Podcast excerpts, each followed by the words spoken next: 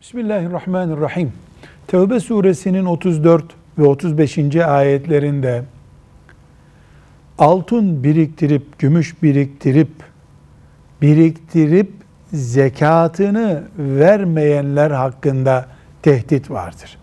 Ayet-i celilede altın ve gümüşü stoklayanlar diye bir ifade kullanılmaktadır.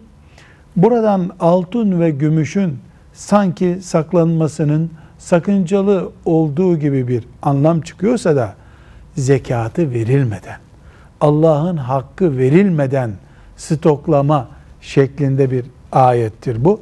Herhangi bir ayeti Peygamber aleyhisselam Efendimizin destekleyici açıklamaları olmadan anlamanın bu şekilde yanlış anlamalara sebep olacağının da bir örneğidir bu.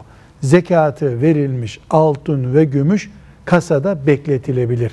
Ayete ters değildir bu. Velhamdülillahi Rabbil Alemin.